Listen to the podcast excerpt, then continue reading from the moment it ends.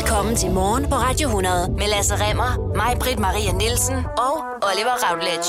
Ja, velkommen til podcasten Er det bedste fra morgen på Radio 100. Ja, hvis du bliver ved med at lytte, så kan du høre alt det sjoveste og klogeste, vi og vores gæster har sagt i den forgangne uge. Og der vil ikke være en eneste bebrejdelse for, at du ikke står tidligt op og hører det i stedet for. Det du kender, det du vil vide med Lasse Remmer, mig, Britt Maria Nielsen og Oliver Routledge. Morgen på Radio 100. Jeg vil belære jer om, hvad der går og sker inden for Justin Biebers verden. Åh oh, ja. Er det noget, jeg kunne tænke at høre lidt om? Ja. Fordi han er med med at spise noget, der ikke er sundt for ham. Nå. Øh, den anden dag øh, i forgårs, der kunne man læse på Justin Biebers Twitter. Og det bliver på engelsk, det her. Ja. I want to challenge Tom Cruise to a fight in the octagon. Tom, if you don't take this fight, you're scared and you will never live it down. Who is willing to put on the fight? Dana White, maybe? Wow. Det er sådan en MMA-kamp, han vil sætte op mod Tom Cruise. Justin Bieber vil direkte ind i den højeste rangering af altså Ultimate Fighting Championships, MMA. Det er dem der, der slås ind i et bur. Det er dem, der, altså hvis man øh, var inde og se Patrick Nielsen mod Marco Madsen i lørdags. Jeg glemte at sige til Mark, at jeg ikke kunne komme og se Jeg karriere på jeg fornavn skulle lige Mark. Jeg glemte det. at sige Ja. til Mark, at jeg ikke kunne komme og se den. Ja, Det var ikke godt det af er, det, det, det er Mark, som nu har vundet de seneste otte eller ni kampe i Og han streg. vandt den der også. Ja. Altså. På sådan noget to Øh, minutter, ikke? Ja, det er det, han kæmper for at komme med i. Det er det, som Justin Bieber han bare vil komme direkte ind i. Øh, for det her at ligesom- slås med Tom Cruise i en otkantet øh, ring. Er det her ligesom, hvis man har rigtig god succes med en kreativ retning, så lige pludselig så drøber man også en børnebog ud, og så udgiver man en rapplade. Ja, At man, altså Justin Bieber, han har været udvidet foretagendet nu. Jeg, jeg ved ikke, hvad Justin Bieber har haft gang i. Altså, der er 31 års forskel på Justin Bieber og Tom Cruise. Jeg inviterer sgu da heller ikke Lasse ud for en slåskamp, når vi er færdige i det her nu, radiostudie. er altså. jeg jo, nu laver jeg heller ikke min egen stunts, Jeg skulle vel? lige til at sige. Jeg vil faktisk sætte Det penge på Tom Cruise. Jeg. Ved Ja, godt, Tom Cruise ikke er særlig høj, men 100% vil jeg sætte mine penge på Tom Cruise. Det er også det, det så har udmundet i, at alle folk, der har kommenteret på Justin Biebers tweet, det er... Øhm, vi tror, du taber, Justin. Er han? Har I set nogle af de ting, Tom Cruise laver i Mission Impossible-filmene, som nogen er 50-årige? Justin Bieber, han er ikke mere sådan lidt høj, lidt lasketype, der ikke kan få trukket de bukser op om numsen. Han er, en, han er en ranglet fyr med pæne mavemuskler. ja. Jo. Og flotte tatoveringer. Ja. Jo, jo, men havde jeg været 17 år gammel, så har det også været dårlig forelskelse. Det er da ikke nær det. Men jeg, jeg har det da på samme måde.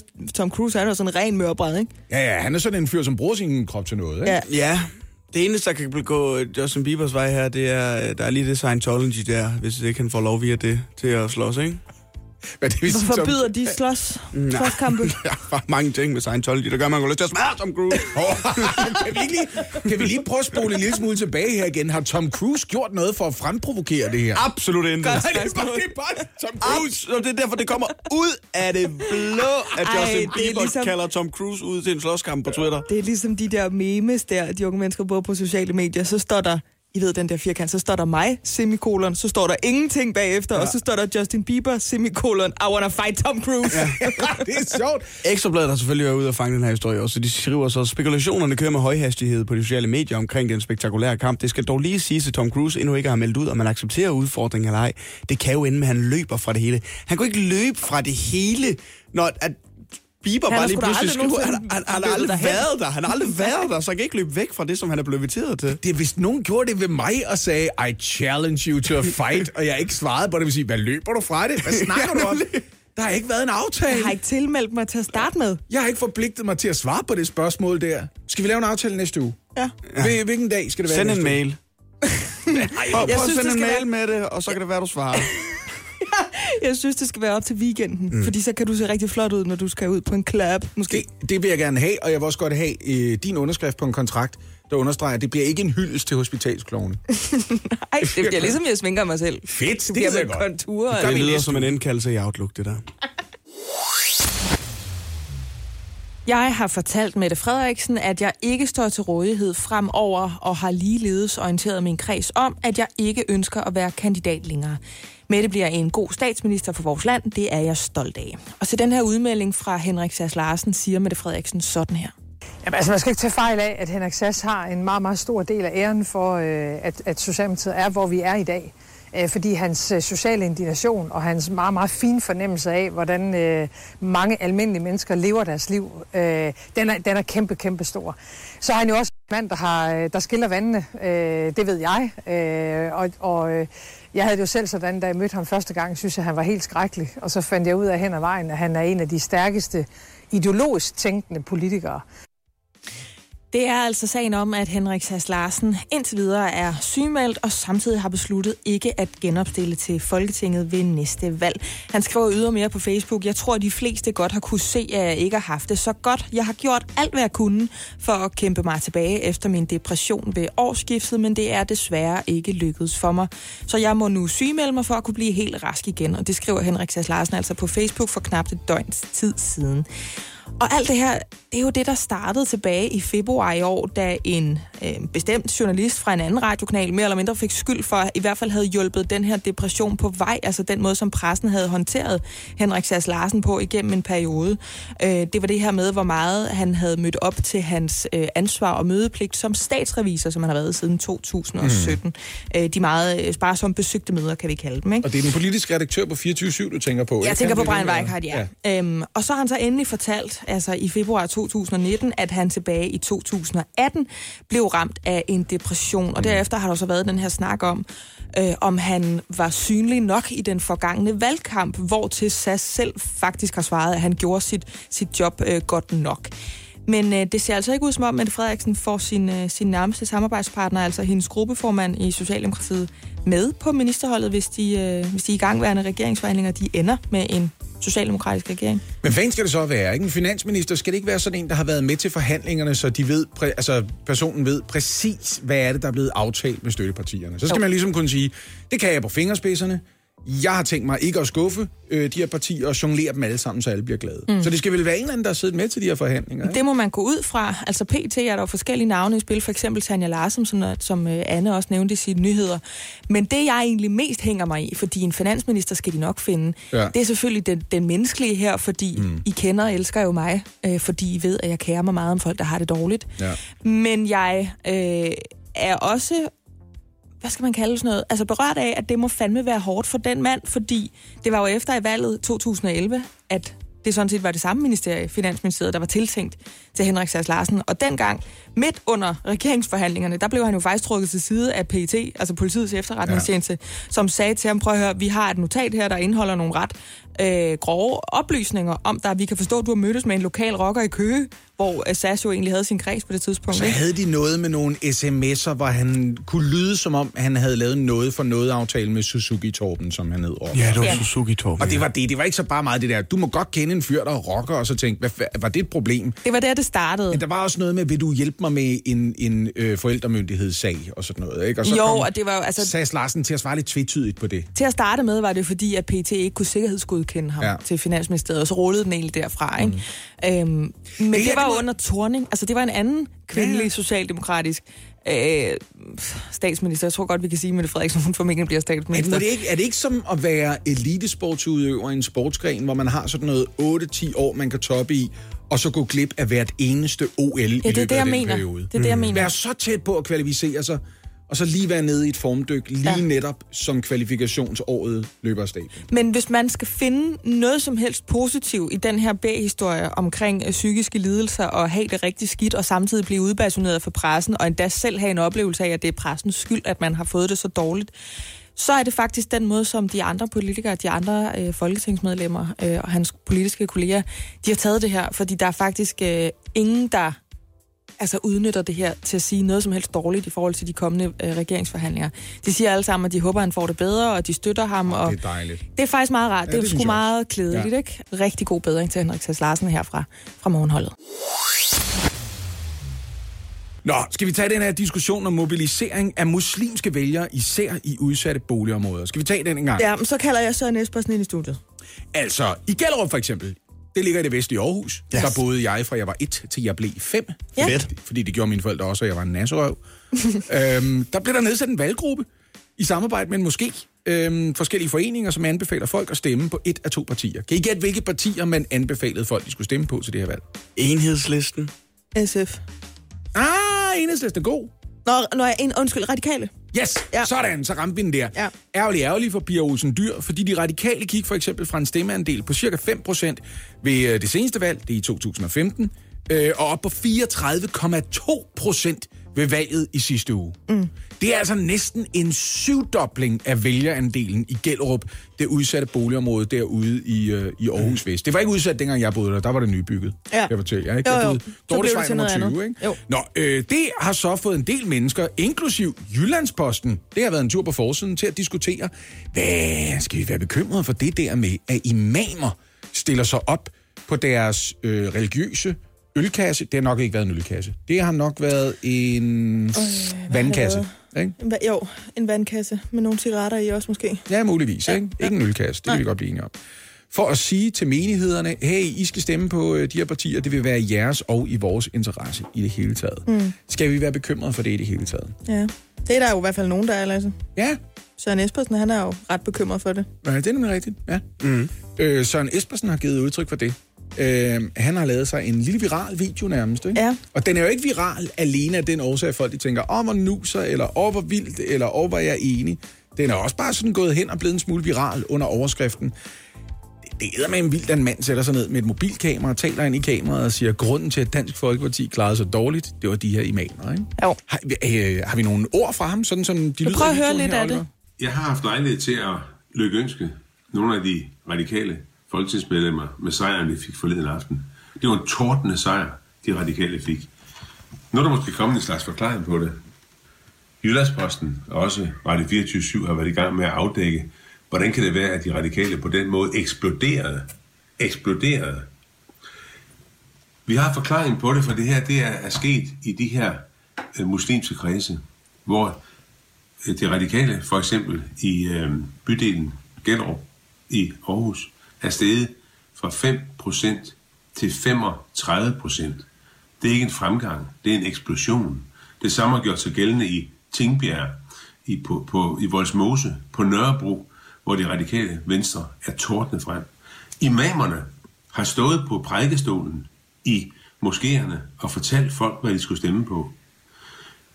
Det kunne måske være et tilfælde et sted, men det er ikke et tilfælde, når det foregår så mange Ja, vi skruer lige ned for Søren Espersen. Ja, ikke fordi det her, det er øh, en ting, som for det første får mig til at tænke på fagbevægelsen. Fagbevægelsen mm-hmm. har jo i årtier Mhm. Gjort det meget, der. Ja, præcis det Ja. ja. samme og sagt, prøv at høre, stem på nogen, der har arbejdernes interesse mm. øh, øh, som deres øh, primære fokus. Og Det er da også fandens, at de muslimer ikke gider stemme på nogen, der vil smide dem ud af landet. Ved I, hvad jeg synes, Søren Espersen lyder lidt som her? Nej. Du bliver en lille smule spydig her, ikke? Mm.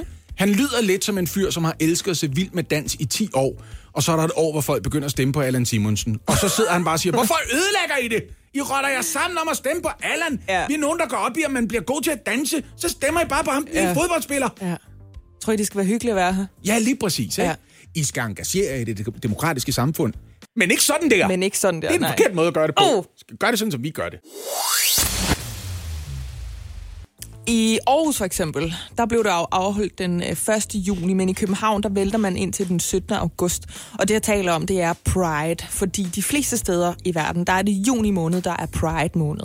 Men ja. det er så agtet, at det så for eksempel øh, for Københavns, nogle gange bliver det sådan lidt forvekslet med sådan Danmarks Pride, men det er bare Copenhagen Pride, der er den 17. august. I Aarhus for eksempel var, er det sket, der var det den 1. juni, ikke? Og grunden til, at jeg taler om det, det er fordi, vi lige skal til det der parti, øh, som kalder sig The Organization Called Super Happy Fun America. Og øh, grunden til, at jeg nævner dem, er ikke fordi, de er en ny bevægelse, der skal sikre homoseksuelles rettigheder øh, rundt omkring i verden. Jeg nævner dem, fordi at de vil lave en parade og en ceremoni, øh, der handler om de heteroseksuelles rettigheder. Og det vil de gøre øh, på fuldstændig samme måde og samme dag, som der i Boston, det her det foregår i USA, skal være øh, en gay pride. Så laver de simpelthen bare det, de kalder en straight pride. Det virker fjollet. Hvorfor? Mm-hmm. Det synes jeg, der virker mærkeligt. De siger, we are disappointed that the Walsh administration, altså en mand, der hedder Walsh, har øh, valgt had og diskrimination. Det skriver de på øh, deres blog i april faktisk. Øh, derfor har vi bestemt os for at launche en kampagne for at uddanne øh, public politicians and civil servants. Og her der skal man lægge mærke til, at de bruger præcis den samme retorik. Det er faktisk fuldstændig planket fra de forskellige pressemeddelelser, der er fra De har LGBTQ-community. bare ind med Fuldstændig. straight people i stedet De har for. simpelthen bare altså, sat det heteroseksuelle grupper ind i stedet for. Ikke? We have determined that a parade would be the best way to promote our community and its diverse history, culture and identity. Altså, vi er fuldstændig determineret ud i at øh, forklare og promovere vores øh, samfund her, eller vores, vores øh, hvad kalder man sådan noget, community, hvordan oversætter man det? Øh, øh, samfund. Jamen, det, Øh, jamen, det er jo ikke det, de mener. Det er jo sådan en gruppe. gruppe, kan man sige. Ja. ja. Øh, og vores øh, forskelligartede historie, vores kultur, vores identitet. Øh, vi forventer, at byen vil øh, omfavne Choose to Embrace, skriver de den her øh, dag med tolerance og inclusivity. Altså inklusion, faktisk. Ikke? Ja. Og det her, det er jo af mangel på bedre ord, hvad jeg kalde det, flabet. Det er trolling af, hvad det er. Fuldstændig, De fordi- troller folk i virkeligheden. Fordi problemet med det her, det er jo, at der findes grupper. Jeg kan ikke helt regne ud, hvem det er, der gider at bruge deres forbandede tid på det, men der findes nogen, der siger, hvorfor skal homoseksuelle bare skabe sig så meget den dag, og hvorfor skal de have deres egen dag? Alle har sgu da lige ret. Mm. Nej, de nar. Alle har ikke lige ret. Det er ikke henholdsvis kritiseret, udstillet, ulovligt eller direkte livsfarligt at være heteroseksuel nogen steder i verden, Nej. din tosse. Og du behøver heller ikke at tænke på, om du kan holde din kæreste eller din fløjt i hånden nogen steder, uden at folk de vil tænke på det, for det er det mest normale i verden, når to mm. heteroseksuelle mennesker holder hinanden i hånden. Så derfor er der en Pride, og derfor Happy Fun America-organisation, synes jeg, I er nogle tosser, og hvis der er nogen af jer, der sidder i Boston og lytter med, I skal holde op. Så det, Nå. on that note, Ja. praktik Kasper. Sikke et arbejdsmiljø. Hej. Goddag, Velkommen til. Kasper. Store ske, lille ske, praktik Kasper. Du har øh, en historie med til os igen. Det har jeg i hvert fald, ja. Fordi øh, man skal passe super meget på, når man bevæger sig ude i øh, naturen herhjemme lige nu. Det Ja. skriver Naturstyrelsen i en pressemeddelelse. For øh, musvågerne landet over, de har nemlig unger i redden lige nu. Og det betyder altså, at den her rovfugl kan føle sig troet af løbere og cyklister i skovene. Nå, for fanden. Og forældre, de vil jo til enhver tid beskytte deres børn med næb og klør. Og det gælder altså også for musvågen. Ja. Øh, og derfor kan de altså finde på at angribe motionister for tiden. Må jeg sige med det samme nu, Det må du at gerne. det er rigtig fint, at musvåger gør det, og også rigtig betryggende, at mennesker ikke har det på samme måde. For hold kæft, der ville være nogle mødergrupper, der kunne starte nogle gangbangs rundt omkring. Og jeg mener altså på den der måde der, hvor man slås, og ikke den måde, hvor man... Okay, fint nok. Jeg skulle også til at sige, okay, Må jeg, Ja. må jeg sige på samme måde? søgning. Er det, er det 40-årige øh, mellemledere i Lykra, som de her musvåger, de angriber? Fordi så har de faktisk okay med det. Det kan de nok godt, øh, dem kan de nok godt finde på at angribe. Så synes jeg Altså, faktisk, det er helt fint. TV2 har allerede snakket med en motionist, der er blevet angrebet, og hun sammenligner det her musvågerangreb som at blive ramt af et hårdt stenkast lige i hovedet. Nå. Så det er ikke super behageligt at blive Jeg angrebet. forestiller mig, at den flyver ned med de store, sådan lidt sådan ørneklør-agtigt, og så tager fat sådan i, i håret. Ja. Er det rigtigt? Det Deromkring? tror jeg, det er, ja. det er egentlig meget rigtigt. Mm. Øh, men heldigvis så er der altså hjælp at hente, hvis man øh, bevæger sig ud i naturen. Øh, I Naturstyrelsens pressemeddelelse så kommer de med seks gode råd til, hvordan man kan undgå at blive angrebet af en musvåge. Okay, kan så det er virkelig en reel trussel, det her, hvis, Det hvis er- Naturstyrelsen faktisk har lavet en vejledning til, hvordan man Lige undgår præcis, det. ja. Okay, Så kan man lige tabe dem, før man tager løbeskoene på. Det vil være en rigtig god idé. alle seks Har du dem, Kasper? Jeg har de seks Kom råd. med dem. Råd det. nummer et. Det et. Sænk farten. Brems din cykel eller begynd at gå. Sådan der. Det er din høje fart, musvågen først og fremmest ser som en trussel eller som opfordring til Det er at ikke et problem, når jeg løber. Det skal I alle sammen vide, når jeg tager løbesko på, så er det kun fordi musvågerne er i nærheden. Jeg ville løbe hurtigere, men det ville være for farligt. Det kan selvfølgelig også være et incitament, hvis man, altså, hvis man sådan spurgt, hvis man har en muslå lige i alen. Vil det ikke være den anden mulighed, det er bare at løbe endnu hurtigere? Ja. Åbenbart Er det ikke. nummer to, Kasper? Råd nummer to, det er at råbe op, hvis du bliver angrebet. Det kan nemlig skræmme musvågen væk. Den kan vi. Det kan vi også. Ja. Perfekt. Tjek. Råd nummer tre, gør dig stor ved at vifte med armene. Undskyld, har vi ikke, har vi ikke hørt de her råd før? Ja, det har vi lavet det her før. Men det, men det var ikke med musvåg. Hvad var Nej, det for det dyr? var Det var med en øh, ulv, eller sådan Ja. noget. Ja. noget af den stil. Men det hjælper altså også med musvåger. Noget, noget Gør dig andet stor, ja. naturligt. Gør dig stor. Det har jeg arbejdet på i 3-4 år nu. Ja, Ja, nu det arbejder vi også. Det er derfor, Lasse på ikke løber med i Royal. Run. Okay, der er punkt nummer Halvvejs, vi fire. Vi skal videre med det her, Ja, Kasper. råd nummer 4. Hvis det er muligt, er det en god idé at løbe sammen med andre. Musvåger angriber nemlig ikke, når der er flere samlet. Nå, det er snedigt. Det skulle musene næsten også vide, ikke? Jo. Bare hold jer i en gruppe. Ja. Råd nummer 5. Vift med en stor gren omkring hovedet, mens du løber. Nej, nej, nej, nej. nej. Imens Imens du løber. Det her det bliver den skønneste Insta-story lige om lidt, når vi hører noget musik. Kasper, så- du skal lige ned og hente en gren, fordi vi skal have det til vores Instagram. Vift med en gren om hovedet, Mens du løber. Må det være de der stikker, man bruger til kampgang? Ja, men der synes jeg måske bare, man kan jo få det der uh, headband, hvor man kan have et GoPro på, når man cykler. Ja. Hvis man kunne lave sådan en form for cash cow, hvor det bliver en Hvor det gren, bare der bare vifter frem og tilbage, så kunne man godt få- have fat i et eller andet, tror jeg. Okay, Ja, Kasper. og nu kan det ikke blive dummere, vel? Nej, vi kommer til det sjette det? og sidste råd nu, og Ja. umiddelbart nok også det råd, som jeg vil gå med. Ja. Fordi musvåger, de angriber kun bagfra, så byttet ikke ser dem. Så Ja. derfor kan man prøve at lave en hat med øjne, så du får øjne i nakken. Står det her inde på Det Naturstyrelsen? er Naturstyrelsens Det skal vi pressemeddelelse. lige have igen. Du løber rundt med en hat, hvor du har sat to falske øjne i nakken. Yes. Vifter med en gren, mens du gør dig stor og, og siger, råber. Og råber og sætter farten ned. Ja. Det her er jo både et råd til, hvordan man skræmmer en musvåg væk på en løbetur. Men også, og hvordan man ender med at få en sweater med ærmer, der slutter på ryggen. Kan I huske, hvordan I fortalte mig, at man ikke skulle spise svampe? Umiddelbart så virker det som om dem inden for Naturstyrelsen, de har været på et eller andet, Ja, da de har lavet de de, der det samme seks regler der. Shit, nogle regler, det er jo bare at gå direkte til indlæggelse, det her. Sådan kan du også undgå at blive angrebet af en musvåge. Det er simpelthen at være spændt til en seng hele weekenden. Brug din weekend i en læderstrop i stedet for. Hvor er det slemt, det her. Ja, det er det. Nå, tak for en mærkværdig nyhed, Kasper. Jamen selv tak. Og så var det jo det der med det private ansvar over for, hvad samfundet skylder en. Ja. Fordi mennesket, Oliver, kan jo godt være fejlbarligt. Det er der ved- ingen tvivl om. Det ved vi to godt. Ok, ja. Vi er sådan nogen, der også kan finde på, at du skal passe på. og ryge nogle cigaretter en gang imellem. Ja, eller det sker. Det hænder. blive lidt fulde, eller du ved, Uh, komme til at ja. råbe efter nogen i trafikken, eller altså sådan noget der, ikke? Men der er også nogle af os, der tager nogle valg, som man ikke bare kan sige, når jeg tager et par panodiler, eller jeg siger undskyld næste gang, jeg ser lige præcis den fodgænger. For der er for eksempel nogle af os, der vælger at blive tatoveret i ansigtet. Det er der folk, der bliver, ja. Det er der nogen, der bliver. Det må man ikke i Danmark. Så kan man bare tage et sted hen og få det gjort, og så kan man komme tilbage med en tatovering i ja ansigtet. det er ikke sådan, altså, man, man, ja, man, man får ikke skal ud af at have det i ansigtet i Danmark. Det er ikke sådan, der kommer nogen og rykker huden af en i hvert fald. Nej, men, øh, men det må man ikke. Men i hvert fald, så er der også en gut øh, i New Zealand, der har fået en ansigtstatovering. Og det er ikke så meget, fordi vi skal snakke om ham her, Puk Kireka fra Napier, som jeg tror, man udtaler det. Ja. Han er 31, og det er ham, der er fra New Zealand.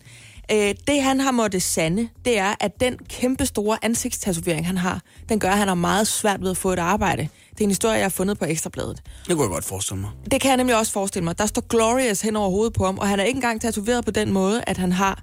Der er nogen, der kan være tatoveret sådan, at det ligner en form for skægvækst, måske hvis man kommer langt nok væk.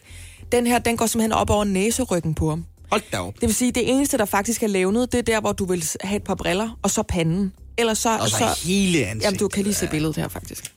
Ja, hold da. Ja, det er ret voldsomt, ikke? Jesus Øh, Christ. og han øh, har en kriminel... altså heller ikke ansætte. Han har en kriminel øh, fortid. I 2008 kom han første gang i fængsel, men siden så har han også øh, afsonet en treårig dom for øh, voldsrelaterede anklager. Der er sådan lidt øh, forskelligt øh, det ene og det andet. Ja. Siden 16, det vil sige de sidste tre år, der har han så været på fri fod, og han fortæller, at han ikke længere tager stoffer, og han har med egne ord fået vendt sit liv på hovedet. Men jeg ved, det bliver meget svært at få et job med mine tatoveringer, siger Kireka til Lokalavisen, og den hedder Hawkeys Bay Today.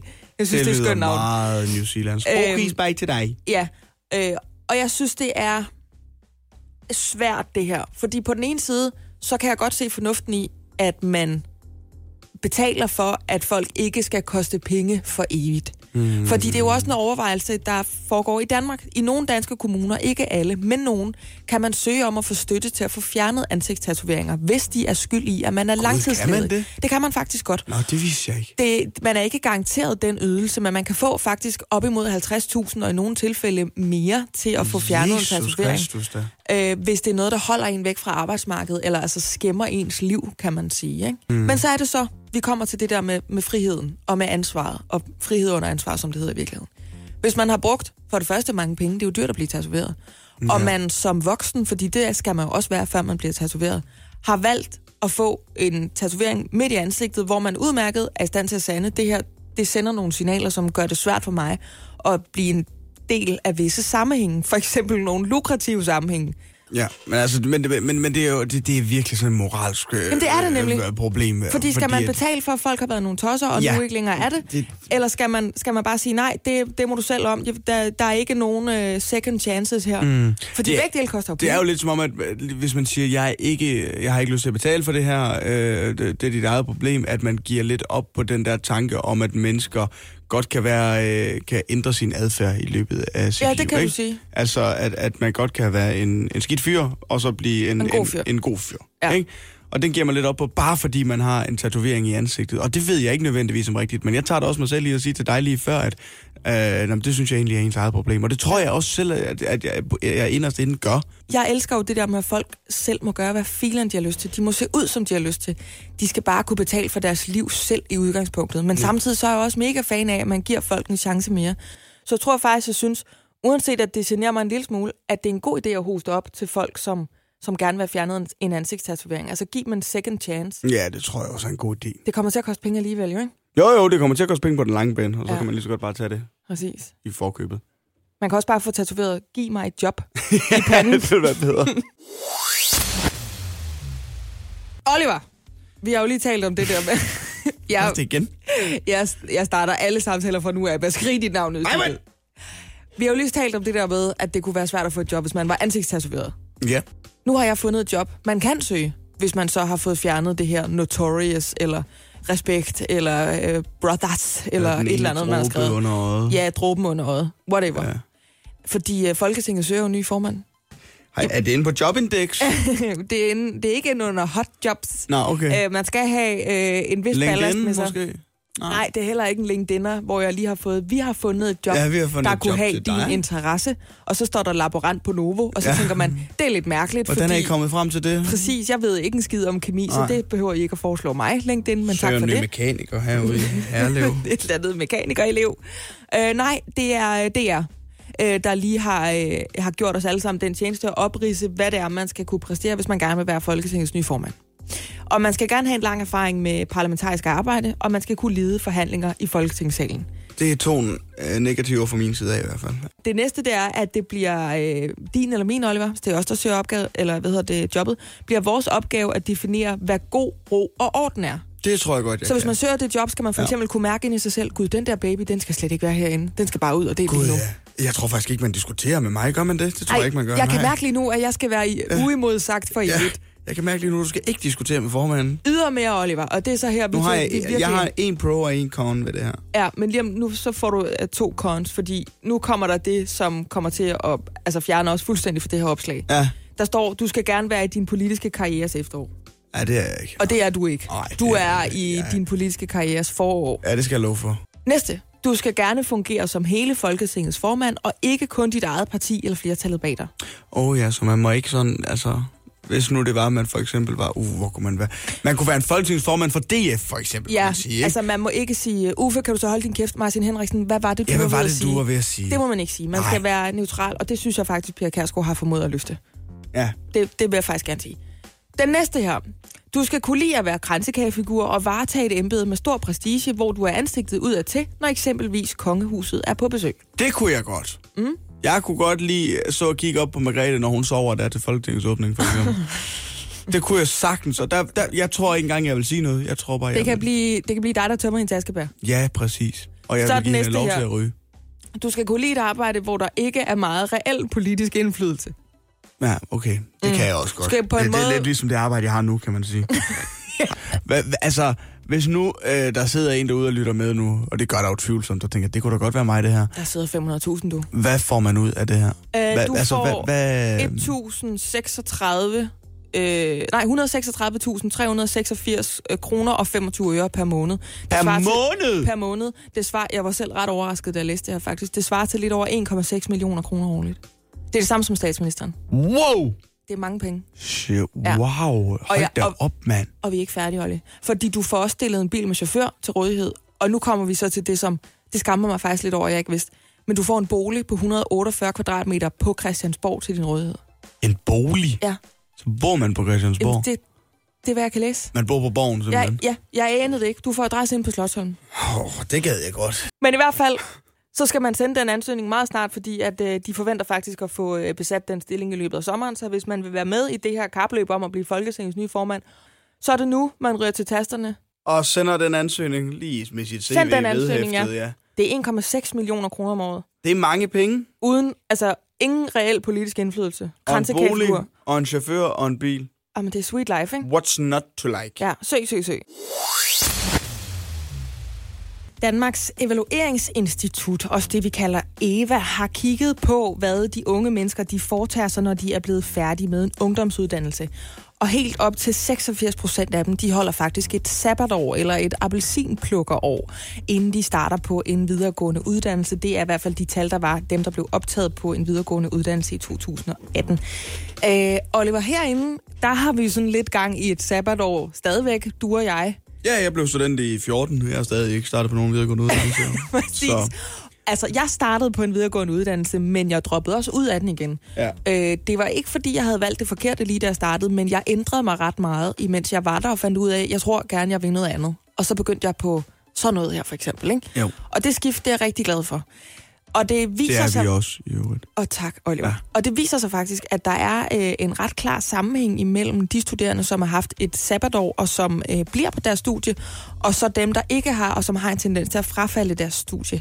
Frafaldsprocenten for dem, der ikke har været på, øh, afsted på et sabbatår eller flere, den er 30 på de videregående uddannelser, og dem, der har været afsted, der er den helt nede på 25. Ja, tak. Det er jo selvfølgelig stadigvæk meget, men det gælder jo også et helt livs værk, kan man sige. Hvis man tager en universitetsuddannelse eller en længere uddannelse i på en anden højere læreranstalt, så er det jo 3, 4, 5, 6, 7, måske flere år, vi kigger på.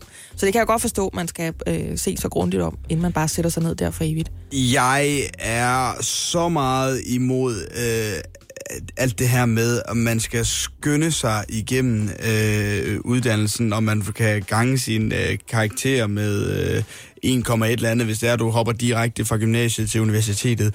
Lige præcis på grund af det, som du siger der med, Ja. at altså, der kommer så mange flere, øh, der falder ud af deres øh, un- universitetsuddannelse, fordi at man har taget en uddannelse, fordi det er det rigtige at gøre, det er det, man Ja. føler, man skal gøre, Ja. og det er det, omverdenen siger til en, du skal gøre.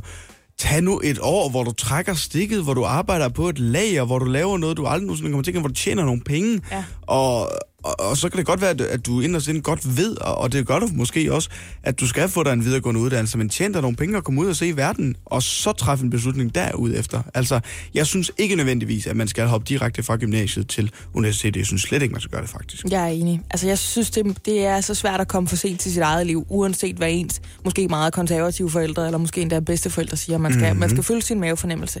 Lars Dyrby Andersen, han er projektleder på den her undersøgelse fra Danmarks Evalueringsinstitut, og han siger, der er tre hovedårsager til, at de studerende her, de holder et sabbatår.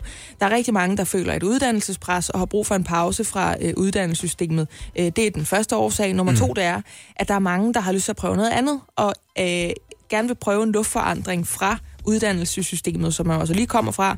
Øh, og nummer tre er så den mest øh, åbenlyse, synes jeg, at der er mange, der simpelthen er i tvivl om deres studievalg. Ja. Og det tror jeg også er en af de ting. Altså, jeg, der var også et par stykker, faktisk en god håndfuld, som stoppede inden for den første måned øh, på jura, som jeg jo læste, og også selv endte med at droppe ud fra, simpelthen fordi de havde været forkert. Altså, da, da, da de havde været der i meget kort tid, så sagde de, gud, det skulle have været øh, statskundskab i stedet for. Mm. Det kan jeg mærke lige med det samme. Ikke? Jeg synes bare, et eller andet sted er det sgu meget rart, at de unge mennesker der, de tænker selv. Så kan det godt være, at man er drevet ned til det der øh, appelsin, appelsinplukkejob af noget lidt andet, end at man skal overveje hver dag, fra man slår øjnene op. Hvordan skal jeg disponere over min uddannelse? Ja, hvordan skal jeg få det her til det kan godt være, at den guideskole, den træk af nogle andre årsager. Ja. Øh, men uanset hvad, så er man klogere, end da man tog afsted. Det kan godt være, at man lige skal vende sig til at gå i skole igen. Men øh, jeg synes, man skal gøre det, og det siger jeg endda. Jeg Som bliver ikke dummere af at at rejse. Nej, det, jeg synes, altså skrav livserfaring til jer, imens I har øh, kræfterne og safterne, havde jeg nær sagt. Ja. Det er altså kun givet godt ud. Selvfølgelig skal man tage sit øh, liv alvorligt, og man skal ikke spille sin tid, hvis man ved, man kunne bruge den bedre. Mm. Men hvis man helt reelt, altså som, som ham projektlederen her, han angiver, er i tvivl om, hvad man skal starte på. Det værste, man kan gøre, det er at sige, Nå, men så må jeg bare tage min tredje prioritet, fordi jeg skal starte på et eller andet. Så det synes jeg må være et opråb herindefra, eller i hvert fald bare et godt råd, en, en tilslutning til den her undersøgelse, der altså viser, at 86 procent af, af de unge holder et sabbatår. Giv jeres unger lov til det. Det er en god idé. Godt brøl, søster. Anne Lavendt, Mig, Britt Maria Nielsen. mm, du er jo en søster. Ja. en girlfriend. Mm-hmm. Så du øh, det kommentarspor, som Helle thorning Schmidt og Anders Fogh Rasmussen de lavede på valgaften? Øh, nej, jeg så godt, de var der. Øh, jeg pendlede lidt mellem DR og TV2. De var på DR. Jeg så faktisk mest på TV2. Ja. Så jeg, jeg så noget af det, men ikke det hele. Grunden til, at jeg siger, inden jeg spørger om det, at du er en girlfriend, det er fordi, jeg vil også høre, om du så, hvis du lige så har glemt af det, om du tænkte over, hvordan Helle thorning Schmidt så ud. Ja, det gør jeg. Hvad tænkte du? Jeg tænkte... Øh, jeg tror, jeg tænkte, hold da op. Ja. Må jeg sige, hvad jeg tænkte? Men jeg ved ikke, om det er helt relevant at få en hvid mands kommentar på, hvordan en Jeg tænkte, flot moden kvinde har set ud. at det var et rigtig, rigtig flot lyserødt eller pinkt sæt, hun havde på Ja. den aften. Ja. Det var en flot blazer og en god, Blazer. og en god, og en god bukster til. Og det var, hvad jeg tænkte. Ja, det var Også også fordi- flot nedover, kan man sige. Også fordi det var noget, det er noget, det var noget andet tøj, end øh, man var vant til at se hende i, dengang hun var statsminister. Ja. Altså, hvor hun Ja. jo havde den der øh, karakteristiske hestehale, og så øh, nogenlunde neutrale farver, og en nederdel, og en, og en lidt større blæserjakke, og Ja. sådan lidt mere afdæmpet, end hun var. Grunden til at spørge. Ja. det er fordi, at jeg fik øje på... Altså, jeg tænkte nemlig det samme. Jeg tænkte, hold nu fast i fingerhulen, hvor ser hun godt ud. Ja. Og det var faktisk det første, jeg tænkte. Og jeg tænkte, at hun så sådan helt... Det snakkede vi også lige om, Anne. Amerikansk lækker ud på en eller anden måde. Der var noget med håret. Det var der nemlig. ligesom det var stort på en måde, som... og- Præcis. Hun, hun så bare hammerende godt ud. Kvinden for 66. Hold kæft, for så hun godt ud. Ja. Men jeg tror, at der var nogen, som måske glemte det der med, at kvinder må egentlig godt se ud, som de har lyst. Også selvom de ser yngre eller bedre ud, end man forventer, forventer af en årgang 66 eller en forhenværende statsminister. Fordi hold nu også fast i fængehulen, hvor var der nogen, der havde travlt på de sociale medier, øh, og særligt i nogle kommentarspor rundt omkring, med at skrive om, hvordan Helle thorning Schmidt så ud, og hvad hun havde fået lavet i ansigtet, og det kunne da ikke være rigtigt, og at hun, og nej, nej, og det må jeg da nok sige. Altså, hvad fanden er det med os, Anne? Altså, hvorfor tror vi, mest kvinder, synes jeg det var, at vi bare har sådan en fribillet til at kommentere på andre kvinders udseende? Altså, man, man havde vel aldrig gjort det samme, hvis det var en mand, eller hvad? Nej, jeg tror, det er det der med at have det svært ved at se noget, som man ikke selv er. Jeg tror, det er de færreste af os kvinder, der kan tænke, at når vi når den alder, som Helle Thorning Schmidt nået, ja. så kommer vi til at se sådan der ud. Altså, jeg tror, at vi har svært ved sådan, at hun har også fået hjælp. Det er også fordi, hun har... Ja, det er man nødt til at sige, at sådan, hun har jo snydt, eller sådan. Ja, og det er også, hun har også masser af tid til, og hun har råd til en personlig træner, og hun har råd til behandlinger, og så lægger man det ligesom over på det. Ja. Jeg kender det faktisk lidt for mig selv, jeg, når jeg går i fitnesscenter, og jeg ser de der utrolig veltrænede øh, kvinder, der går i de der fitnesstoppe, og så har bare Ja. maver, Ja, og så et par tights, og jeg Ja. tænker, gider du da lige styre dig, var? altså, og det siger jeg, fordi det kan jeg ikke selv gå i. Men Ja. hvis jeg havde, hvis jeg sådan tænkte, at jeg følte mig selvsikker nok øh, til Ja. at gå i det, så ville jeg da have gjort det. Så man måske i virkeligheden mere burde tænke, ej, nu skal jeg vist lige styre mig. Lige præcis. Ja. Ja. Jeg, tror, jeg tror, det har meget med det at gøre, hvor vi tænker sådan, nej, det kan vi ikke rigtig unde hende. Eller? Men jeg tror, du har ret så langt, hvis man ser nogen, og man tænker, hold kæft, hvor ser hun godt ud. Ja. Jeg ved igen, Oliver, jeg ved ikke, hvordan det fungerer for mænd. Lige nu bliver det meget dameagtigt. Du må lige hænge på så længe, ikke? Jeg er bare det, glad for at være med. det er farligt for en mand at afbryde to kvinder i den her, øh, det her debatklima. Det ved du Jeg godt. tør ikke. Så du venter lige der bag mikrofonen. Det der også var en ting, fordi jeg tror, det er uomtvisteligt, at hun så godt ud. Mm. Hun ser bedre ud, jeg er lige ved at sige, end jeg nogensinde har set ud. Ja. Øh, men det var rigtig meget det der med, at hun har fået lavet nogle kosmetiske operationer, eller fået sprøjtet noget ind nogle forskellige steder. Øh, og jeg kan også godt se, at der er sket noget med hendes ansigt. Men den der røvklø, som nogen fik, både mænd og kvinder, men altså stadig mest kvinder, det er ligesom om, hvis ikke man er Anne-Marie Helger, og bare svinger med dem og har en strikhue på, så kan man ikke gøre noget rigtigt næsten. Altså, man skal bare sætte sig i en skrædderstilling med noget røllekité og affinde sig med at være en kvinde for 66. Man må ikke gøre noget for at være med på beatet. Hvis man gør for lidt, er man damned. Hvis man gør for meget, er man også damned. Altså, Ja, men det er underligt det der, fordi vi har, vi har utrolig meget imod det der med, med at få sprøjtet ting ind i ansigtet og sådan noget. Botox og Lige Restylane præcis, og og jeg sådan kan noget, huske ja. faktisk med Helle thorning Schmidt, hun har sådan, det har tit været op med hende, ja. altså at øh, hun får det også gjort, og hun er ikke naturligt smuk og sådan noget. Jeg kan huske, hun var inde var det quizzen med sine Molde på DR2, hvor hun sad og var det mod Lars Lykke eller sådan noget, hvor der også blev snakket helt vildt meget. Altså det var næsten, alt fokus blev Ja. øh, lagt på hendes ansigt. Fordi Det får sindssygt meget så- fokus. Lige præcis, og det, er sådan, det, det, synes jeg, det synes jeg er ærgerligt, fordi man skal have lov til at gøre, hvad man har lyst til. Ja. Så må du sige noget, Oliver. Her er det Aerosmith med Crying. Der er 25 minutter til, at klokken den bliver syv. Det er en torsdag morgen her på Radio 100. Er du da ikke enig med os? Jeg, er, jeg tør ikke være andet end enig med jer. Er der hækkerbær? Det skal vi lige høre igen, det der. Ada Hækkeberg. Jeg ved ikke, om det er sådan, det udtales. Øhm, hun er nordmand. Øh, og hun blev kendt øh, ud over fodboldens grænser, da hun ved uddelingen af Ballon d'Or i slutningen af 2018. Det er den her pris, Ballon d'Or. Ballon d'Or, der, Guldbolden. der kårer lige præcis, der kårer verdens bedste mandlige, og for første gang i 2018 verdens bedste kvindelige fodboldspiller. Yes. Og hun kom, blev sådan, kom lidt, ret meget rundt i, i vælten der, ikke på grund af noget, hun havde gjort, men fordi hun blev stillet et spørgsmål af den franske DJ og vært på det arrangement, Martin Solvej. Og det var sådan her, det lød. Est-ce que tu sais twerker Non. Ok, alors on Ja. Ja. Han spørger ham, øh, han spørger lige Ada Hækkerberg, om hun kan trykke. ja. Som man jo spørger man- folk om, som skal det, have en hun- pris for at være verdens bedste fodboldspiller. Ja, nemlig. Øhm, men Det er det, der hedder sexisme i øvrigt, hvis ja, der det er nogen derude og være det, der hedder sexisme. Og Ja. det, det, var sådan det, som, som der, der fik verden ligesom op for, eller verden fik øjnene op for Ada Hækkerberg. Udover hun er en vanvittig dygtig fodboldspiller, så sagde hun også bare, iskoldt i øvrigt. Nej, Nej. nej, nej. Nej, det skal du ikke blande dig i ja. overhovedet. Men, kan du huske, vi snakkede om tidligere på morgen, at der jo i øjeblikket er VM i fodbold, kvindefodbold i gang i Frankrig. Ja, Og hvordan vi snakkede om, at USA de havde vundet en kamp 13-0, og de havde jublet for meget, og det var der folk, der var sure over. ja, og vi fik sagt det, det synes vi var noget selvudslættende Ja, pis, så og må man- selvfølgelig må man huge og råbe, når man vinder, og det går godt. Lige præcis. Ada Hækkerberg Nordmand, verdens bedste kvindelige fodboldspiller, hun er ikke med til VM. Ikke fordi Norge ikke er med, de er skam med. Ja. Øh, de, de spillede i går, de tabte 2-1. Men, Nå, så skulle hun skulle nok have været med. ja, hun har meldt fra til det norske landshold, Ada Hækkerberg, i protest mod, at der er forskelsbehandling på mænd og kvinder Altså, i det i- norske fodboldforbund. De har ellers ligeløn for begge køn. Du, man får penge for at stille op for sit landshold og spille for sit landshold. Yes. Øh, og der er de ligeløn for, for, for både mænd og kvinder. Ja. Men det er simpelthen forholdene. Det handler om mere end penge, det her for Ada Hækkerberg. Ja. Det, er, øhm, at det handler om, at kvindelandsholdet kun fik én spilletrøje til hele VM i 2017 for eksempel. At sokkerne ikke passede, og at herrerne de havde bedre muligheder, og de havde bedre fodboldstøvler. Det handler om helheden omkring holdet, sådan ledelsen, planlægning, forberedelser og gennemførelse, siger den her altså kun 23-årig. Øh, er der Hold nu op. verdens bedste kvindelige Hun har sgu da fodboldspiller. bare tænkt sig at gøre op med det lort der, var. Fuldstændig. Og jeg synes egentlig, det er meget fint, fordi det her med, at der er forskel på herre- og kvindefodbold, det kan være en debat, man kan have i meget, meget lang tid.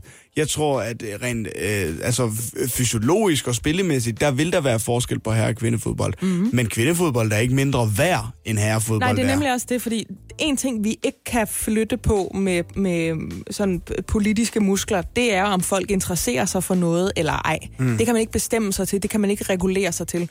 Men man kan godt sige, at udgangspunktet skal dele med være det samme. I får den samme øh, bylt med tøj i, og Ja, ja, selvfølgelig præcis. også den samme løn og sådan noget. Helt sikkert, det er vi fuldstændig enige om. Men det vanvittige er, nu, altså det, det, det, det er måske en lille bitte test det her for mig, men, men, men det her med, at hun siger, at man kun havde én spillertrøje under hele øh, VM i Det 2017. virker da også fuldstændig vanvittigt. Når herrerne de spiller, og det er lige meget om det er en, øh, altså en, en landskamp, eller om det er en kamp på klubhold, Så får de så mange, de kan tørre røv med dem, eller Jamen, de får to trøjer per kamp, Og de fik en til alle og kampe. de fik en til alle Hvor, hvorfor? kampe. Det lyder da som det nemmeste at lave om på. Ja. Så tryk for helvede nogle flere t-shirts. Hvor svært kan det være? nemlig. Generalsekretæren i det norske fodboldforbund, han er ked af Ada Hækkebergs øh, oplevelser, og han siger, at vi synes, det er trist, at Ada ikke er med på landsholdet, og vil undskylde, at hun havde dårlige oplevelser, men det er vanskeligt at kommentere synspunkter og oplevelser fra 2017 og årene før det. Der må Nej, det, det er det, er ikke det er ikke vanskeligt. vanskeligt at kommentere på overhovedet.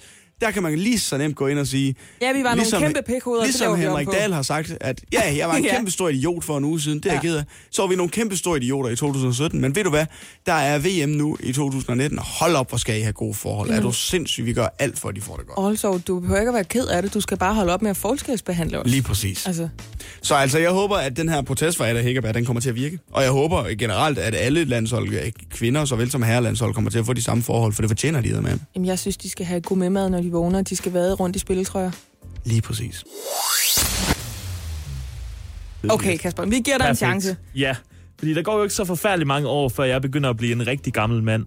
Øh, og når den... Åh! Er du ikke 21? 40 eller sådan noget, vil jeg sige. Ja, men det, jeg føler, at det går hurtigt i hvert fald. Okay. Altså, mentalt er du på vej. Ja, Fuldstændig, ja. ja. Måske også fysisk. Øh, og når den dag kommer, jamen, så kunne jeg altså godt overveje at købe sådan en elcykel. Nej, det kunne du ved Gud ikke. Åh, oh, det kunne jeg altså. Jeg skal lige høre noget mere. Ja, Ja.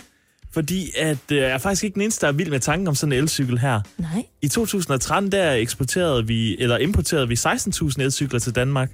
Og sidste år, der blev der importeret mere end 50.000 elcykler til Danmark. Så det bliver altså mere og mere legitimt med sådan en elcykel og cykle rundt på sådan en, synes jeg. Elcykel, er det ikke bare der, hvor altså man kan godt træde den normalt, men man har en motor på, der er elektrisk, som kan hjælpe en, så kan man lige slå det til op ad en bakke, ikke? Jo, lige Ja. præcis. Mine svigerforældre, de har sådan et par der...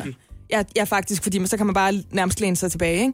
Mine svigerforældre, de har sådan et sæt cykler der, og de hele tiden spørger de, om ikke mig og min kæreste gerne vil låne dem, fordi de er simpelthen så glade for dem. Ja. De er selvfølgelig også nogle lidt ældre mennesker, ikke? Men de siger det er godt. Altså, de siger, det simpelthen så godt. Og det, det tror jeg nemlig også, det er. Øh, det går jo fremragende med de, her- de her elcykler. Som udgangspunkt, så har Rådet for Sikker Trafik heller ikke rigtig noget imod de her elcykler. Nej. Men der hvor problemet det opstår, det er, når folk de begynder at pille lidt ved de her elcykler. Hvad mener du? Fordi, øh, så vidt jeg kunne læse mig frem til, så øh, er sådan en cykel rigtig lækker at cykle på op til 25 km i timen. Og kommer man derover med fart, så skal man altså selv arbejde lidt.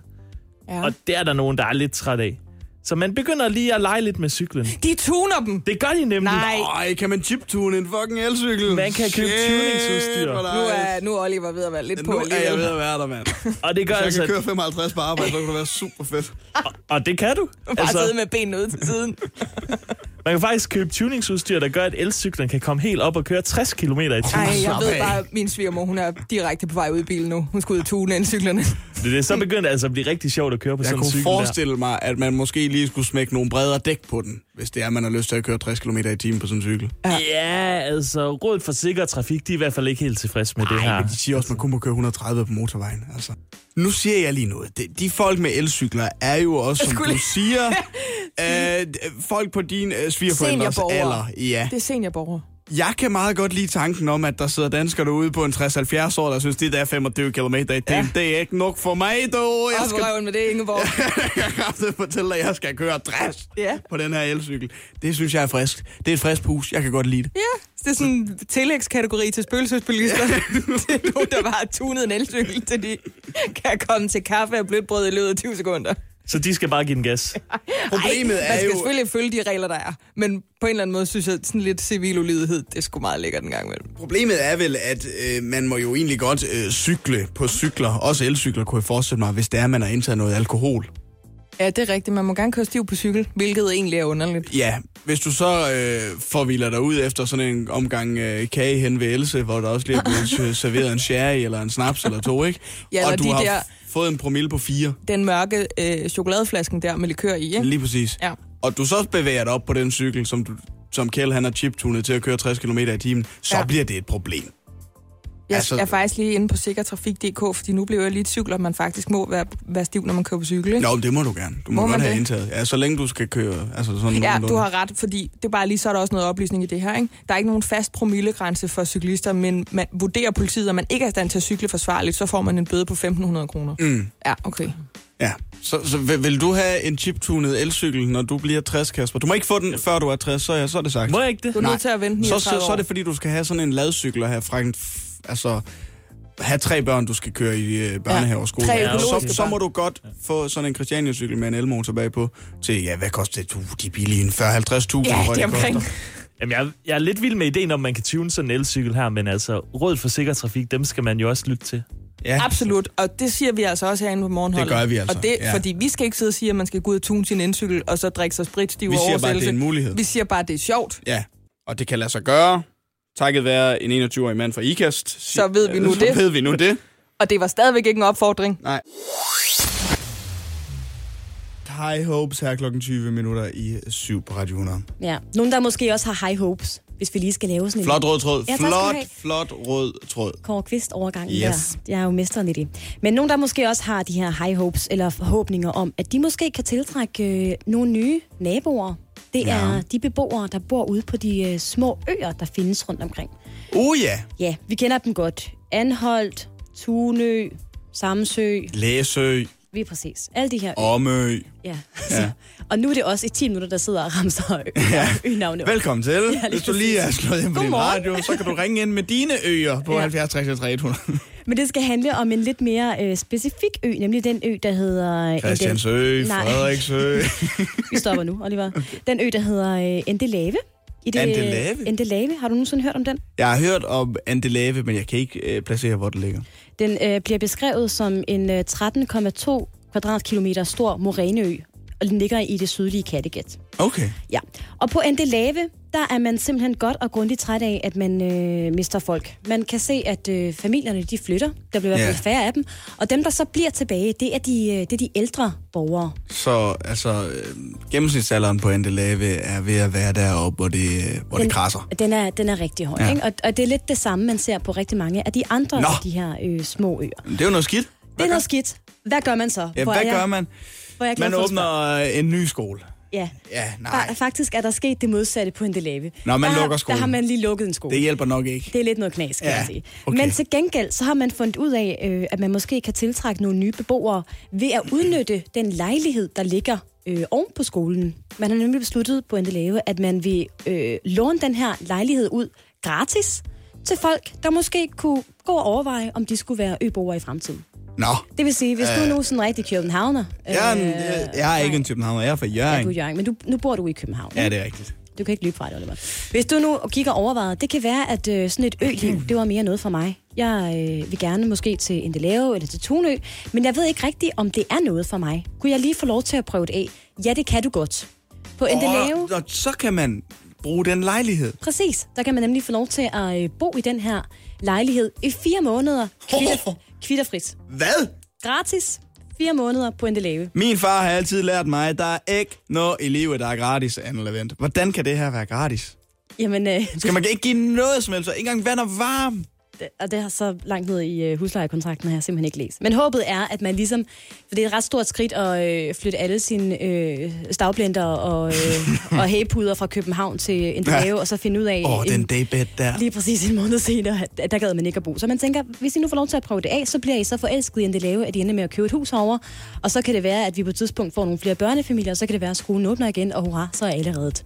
Jamen, det, øh, altså, jeg synes, det er nytænkende. Jeg kan meget godt lide Men det. Jeg synes også, det er en god idé. Men ja. så Ja. var det, øh, det er TV2 Østjylland, der har lavet den her historie. Og de har, Selvfølgelig. de har, Lokalnyt. Ja, selvfølgelig. Og de har været ude og øh, filme. Og de har snakket med hende, der hedder Bente Skovgaard, som er øh, tidligere skoleleder på den her skole, der nu er lukket, og hvor man nu har tænkt sig at lege den ud. Og vi kan lige høre øh, et lille klip, hvor hun sådan viser lidt rundt.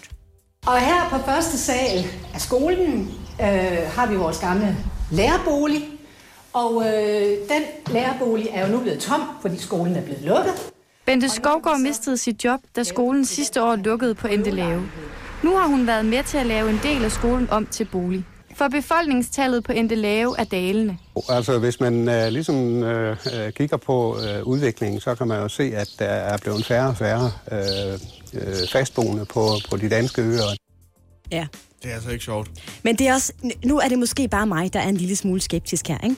Men når jeg hører det her, nu er det godt nok kun et lille klip af et indslag på, på to minutter eller sådan Ja. noget. Indtil videre i de første, hvad har vi spillet, 27 sekunder, der har jeg fået en information om, at skolen, den er lukket. Den er lukket, ja. Bente Skovgaard, hun har mistet sit job. Og der kommer færre og Og færre. der er færre, der er færre, færre, der bor på der er færre naboer. Jeg ved ikke, hvor godt et salgstrik det her det egentlig er. Det er måske en ejendomsmaler, der øh, ryster på hovedet et eller andet sted og tænker, nej, nej, nej, nej, nej, prøv at høre, I skal sige, der kommer en ny skole lige om lidt. Lige Og præcis. Inden for fem år har man lavet en plan om, at alt i Endelave skal være økologisk. Et eller andet i den retning, fordi jeg ved ikke helt, altså... Jeg kan, jeg kan egentlig meget godt lide tanken om at bo på en ø, men jeg har det sådan, hvis jeg skulle flytte dertil Ja, og hvad skal der noget- til for at lokke dig til Endelave? Mere Ja. end fire måneders gratis bolig? Jeg tænker i hvert fald en skole. Ja, Altså, så, til dig. det er meget fint, at jeg kunne... Ikke til mig, måske til, til de børn, jeg havde. Men jeg tænker, i stedet for at bo i en skole, så ville jeg hellere have, at der var en skole til mine, til, til mine børn. Jeg ved ikke, om det, Ja. jeg ved ikke, om det Nu ved jeg ikke, hvordan muligheden er for at komme væk fra Endelave. Øh, men hvis jeg man, tænker, hvis en, man en skal god vandcykel og så et par benmuskler, så tror jeg, man Så er- tror du godt, er at godt på vej. ja, der er bare langt i skole om morgenen, hvis man skal tage en vandcykel hver evig eneste Altså, morgen. jeg cykler jo 14 km på arbejde. Det gør du, ja. Og det ynder du at sige hvert fjerde sekund, du har muligheden for det i hvert fald. Jamen, det gør jeg. Det Nå. Men jeg vil gerne lige sige, for lige at runde øh, det her af, for jeg synes, ideen er, er god, og det er der åbenbart også andre, der synes, fordi øh, siden Endelave ligesom har, øh, har udbudt det her, tilbudt det her til folk, så har de fået 12 henvendelser Nej! fra folk, der gerne vil, øh, vil bo i den her er lærerbolig et par måneder. Det synes jeg lige, er Lige smukt. prøv det, ikke? Ja. Så øh, Endelave, øh, hvis du kunne tænke dig at bo gratis i fire måneder, så er det bare at sende en henvendelse. Og så kan du altså... Til følgende mail, kom endelave, til. kom please og bo her, Ja. snablag desperat ø. Sabel af, vi har ingen skole. Punktum. Men der er langt til naboen. Snabelag, hvis du mangler en kop sukker, er købmanden brændt. Du kan rende rundt i din lejlighed uden et trævl på koppen, og ikke være bange for, at der er nogen, der ser dig. Ja, det er rigtigt nok. Nu talte du om lige før, Oliver, at du skal ud og flyve i dag, og du er en øh, klimasønder. Selvom Ja. du kun skal til Aalborg. Jeg skal kun til Aalborg, men, øh, men jeg er en klimasønder. Ja. Jeg kan ikke lade være med at tænke på alt det, de fossile brændstoffer, jeg... Selvom Ja. du kun skal til Aalborg. Jeg skal kun til Aalborg, men, øh, men jeg er en klimasønder. Ja. Jeg kan ikke lade være med at tænke på alt det, de fossile brændstoffer, jeg kommer Nej. til at være med til at udlede ude i vores dejlige Og ved du hvad, det kan jeg heller ikke lade være med at tænke på. Men det er altså ikke, øh, det er simpelthen ikke frivilligt. For ved du hvad, jeg er simpelthen begyndt at blive lidt træt. Du, nå, sover du ikke nok, eller hvad? Det gør jeg heller ikke. Det er noget andet. Men jeg er simpelthen, øh, jeg kan godt mærke, at jeg er ved at blive en lille smule fedt op af alt det her øh, klima. Nå, du er blevet mæt af klimasnakken. Alt handler om klima. Og, og nu siger jeg noget, Og nu der... snakker vi om det. Ja, nu snakker vi om det igen. Men nu, og det er fordi, nu tager jeg den anden kasket på. Nu tager jeg øh, Pia Kjærsgaard-kasketten på øh, Ja. et øjeblik. Øh. Den, hvor der står klimatossen på, ikke? Okay, Og så, øh, så tager jeg den af igen, og så tramper jeg hårdt på den. Du får carte blanche i næste fem minutter til at sige, Fordi hvad du vil. jeg, og jeg ved godt, det her det er simpelthen ikke populært, og det er simpelthen ikke i øh, tidens ånd. Men jeg er ved at være træt af øh, bæredygtighed og grøn omstilling og øh, veganer øh, ting og sager, fordi jeg er der simpelthen ikke helt. Nå, er det fordi, du ikke kan, du, altså, du kan ikke relatere til det? Du, du, Jeg, jeg, jeg, ikke, jeg følger ikke med. det er ikke jeg en del af din ikke, hverdag. Jeg er simpelthen ikke der, hvor jeg skal være vegetar, eller øh, flexitar, eller øh, græshoppetar, eller hvad det alt sammen hedder. Det der. Fordi jeg vil stadigvæk gerne spise en hotdog med en rød pølse, med noget farvestof ikke i. med en rød pølse. Det er fint for mig. Ristet. Jamen, det kan vi så diskutere bagefter.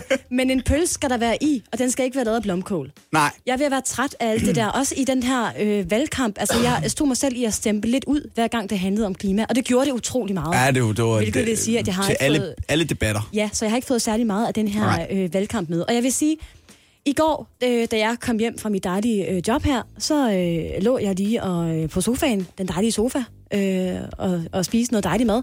Og så så jeg et program på TV2 News, der hedder News Co. Ja, Og de var jo på folkemøde. selvfølgelig. Ved du, hvad det handlede om? Klimaet? Ja, Ja, det gjorde okay. det nemlig.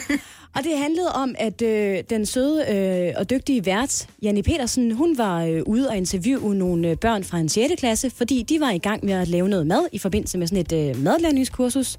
Ja. Og ved du, hvad de øh, lavede? Øh, nej. Hvad er populært i sådan en skolekøkken? Sådan nemt at gå til. En Også- lasagne, også for en god eksempel. fredagsspis. Ja, Ja. det var det ikke. Vi var ude i noget burger. Nå, en burger, Men ja. vi var ude i noget burger uden kød. Nå, var det med det der plantefars? Ja, det var Nå, det nemlig. Men, spændende. men, men nu skal du høre, Dejligt, det, ja. det er så, hvad det er. Jamen, det, hvis, man godt, hvis, man godt, kan du, uh, hvis man godt kan lide det, så er det fint. Men hun interviewer så øh, to øh, skønne 6. klasses piger. Og nu, du skal lige høre øh, lidt af, hvordan det foregik. Ja, jeg kan love jer for, at der er rigtig mange, som gerne vil have noget af den mad, der bliver lavet. Jeg spurgte eleverne, da de kom her for et par timer siden, om der var nogle af dem, der aldrig nogensinde kunne forestille sig at spise en burger uden kød. Og så sagde de nej. Og mange af dem øh, lever faktisk vegetarisk, øh, så de har været i gang til sidste par timer. Og øh, her har vi Alma og Liva. Øh, Alma, burger uden kød. Hvad, hvad, hvad, hvordan synes du selv, det går? Jeg synes, det går rigtig godt, og jeg synes faktisk, det er et rigtig godt projekt. Mm. Hvorfor? Fordi jeg synes, det er godt for miljøet, eller det er godt for miljøet, øhm, at man ikke spiser kød. Du går i, det gør du også, øh, lige hvad I går i 6. klasse i Næksø på Paradisbakkeskolen. Hvor meget fylder sådan noget som bæredygtigt samfund, og det at ikke spise for meget kød for jer? Altså, vi snakker om det hver dag. Man skal ikke snakke om det hver dag, når man går i 6. klasse. Og jeg, jeg, var, jeg var lige ved at sige her, åh, hvor er det bare nogen, der er vokset op på Østerbro Ej. med en spælske i røven. De er fra det er det Nexø. ikke engang, vi er på Nexø.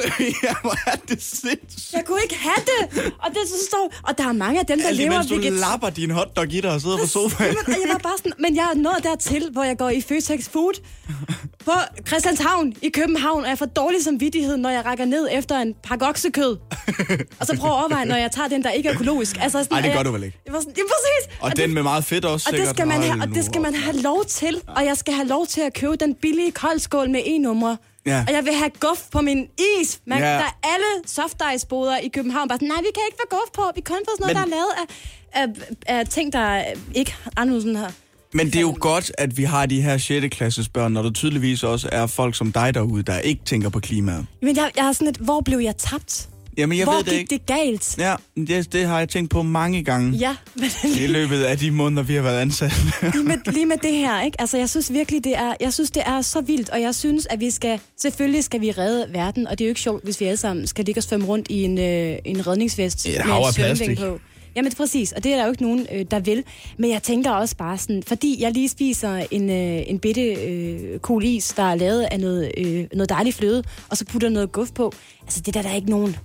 Lad mig nu gøre det. Jamen, jeg vil gerne lade dig gøre det. på mig. Og man skal altså gå, man skal vandre øh, 40.000 man km i jo også- København for at finde en isbåd, hvor man kan få noget af det gode guf, der kommer fra den der hvide bøtte. Ja, ja den der hvide store bøtte, hvide og store meget bøtte. lyserødt. Præcis, og det er det. Det er sådan, det skal være. Jamen, Du skal have lov til at have dit guf, Anne. Det vil, det vil jeg ikke. Jeg vil ikke, jeg vil ikke sige, at du ikke må få guf. Tak skal Okay. Ja. Og så lige træk vejret igen, Ja, ikke? jeg trækker lige vejret. Nå, som den første virksomhed i Danmark, så har fodboldklubben Brøndby fået myndighedernes tilladelse til at installere et øh, overvågningssystem, der ved hjælp af teknologi kan genkende ansigter på karantænedømte fans, hvis de altså forsøger at slippe ind gennem sluserne. Ja, og systemet, altså, det vil første gang blive taget i brug, når Brøndby 14. juli tager imod Silkeborg IF til sæsonens første kamp på hjemmebane. Men hvad er grunden til det her, og hvorfor er det nødvendigt? Ja, det kan vi forhåbentlig blive klogere på nu, for vi kan sige godmorgen til dig, Jesper Jørgensen. Ja, godmorgen. Du er administrerende direktør i, i Brøndby, Jesper, og Jesper, hvorfor er det her tiltag nødvendigt? Ja, ja det, er, det er desværre nødvendigt, fordi vi har nogle fans, som, øh, som har lavet noget, som har gjort, at de blev idømt en afgift, afgift og, og en øh, karantæne til stadion. Øh, og den karantæne, den ønsker vi at opretholde. Og sådan som øh, systemet har været indtil for halvandet år siden, så havde vi kun en beskrivelse af de personer, der havde en øh, karantænedom. Øh, så fik vi mulighed for for halvandet år siden cirka at, at lægge et, øh, et billede op. Men, men det gør, at de vagter, der i dag står ved indgangene, de skal måske øh, kende 100 ansigter på nogle billeder, som de har 10-15 minutter til at kigge igennem. Og når der så kommer en 14-15.000 mennesker på stadion, så skal de genkende de her mennesker og sortere dem fra. Det er ganske vanskeligt, og nu har vi fået noget teknologi, som kan, kan hjælpe os, og det, det vil sikre en effektiv øh, afvisning af karantænet øh, ramte personer. Kan du prøve at forklare, hvordan kommer det her til at fungere i praksis? Altså når fans får karantæne inden fra jer af, bliver deres ansigter så scannet og lagt ind i et system, eller hvordan foregår det? Ja, hvis en person får, får karantæne hos os, så, så, så bliver der lagt et billede, eller eventuelt et par billeder med, øh, og så ligger der et, et eller, øh, eller et par stykker billeder for, for hver person. Og så på, på en kamp, der er umiddelbart før kampen og før vi åbner stadion, så bliver de her billeder lagt over på, på en separat server, og så kører vores overvågningssystem, som, som er en generel overvågning, som kører på hele stadion, så kører det, og så er der nogle af de her kameraer, som er, som er udvalgt eller sat op til at lave det her ansigtsgenkendelse. Og så scanner den øh, de ansigter, der er på overvågningen, og så i løbet af et par sekunder, så går den ned og kigger, om, om, om de personer findes i karantæneregistret. Hvis de ikke findes, så sker der ikke noget, men, men skulle øh, kameraet eller softwaren finde en person, så, så går der en alarm, og så vil en vagt blive, øh, blive, blive, blive givet besked om, at nu er der en øh, karantæneramt, og så vil vagten tage, tage fat i vedkommende. Jesper Jørgensen, har I gjort jer nogle øh, etiske overvejelser, inden I har valgt at, at tage det her i kraft? Ja, vi, vi har ved at tænke meget over det her, og, og, og vi synes netop, det her det er et system, som, som man kan sige er, er målrettet efter dem, dem der har karantæne, karantæne, og ikke målrettet alle de andre. Altså, vi har jo, vi har jo rigtig, rigtig mange fans og tilskuere, som kommer herud, som opfører sig ordentligt. Og, og, og de vil ikke mærke noget. De vil heller ikke blive registreret. Øh, der vil køre almindelig overvågning, som der altid gør, men, men, men, men hvis, hvis du og jeg, vi kommer, og vi ikke ligger i karantæneregistret, så bruger det et par sekunder på at se på vores ansigter, og der er ikke noget match, og så bliver der ikke lavet eller gemt noget. Så på den måde vil, vil uskyldige eller ikke karantæneramte, de vil ikke blive registreret på den, og ikke mærke noget til systemet. Det er altså 14. juli, når Brøndby tager imod Silkeborg til sæsonens første hjemmekamp, at det her det første gang vil blive implementeret. Jesper Jørgensen, administrerende direktør i Brøndby. Tusind tak for din tid her til morgen. Ja, velkommen. Anna Lavend er her. Det betyder fredagsdigt. Ja. Og jeg er så glad for, at du lige sagde, apropos Sweet But Psycho. Nej, selvfølgelig okay. ikke. Det kunne du godt have gjort. Jeg, synes, Jeg du finder har noget. været lidt spydig i dag. Vi valgte lige til dig. Ja, tak skal du have.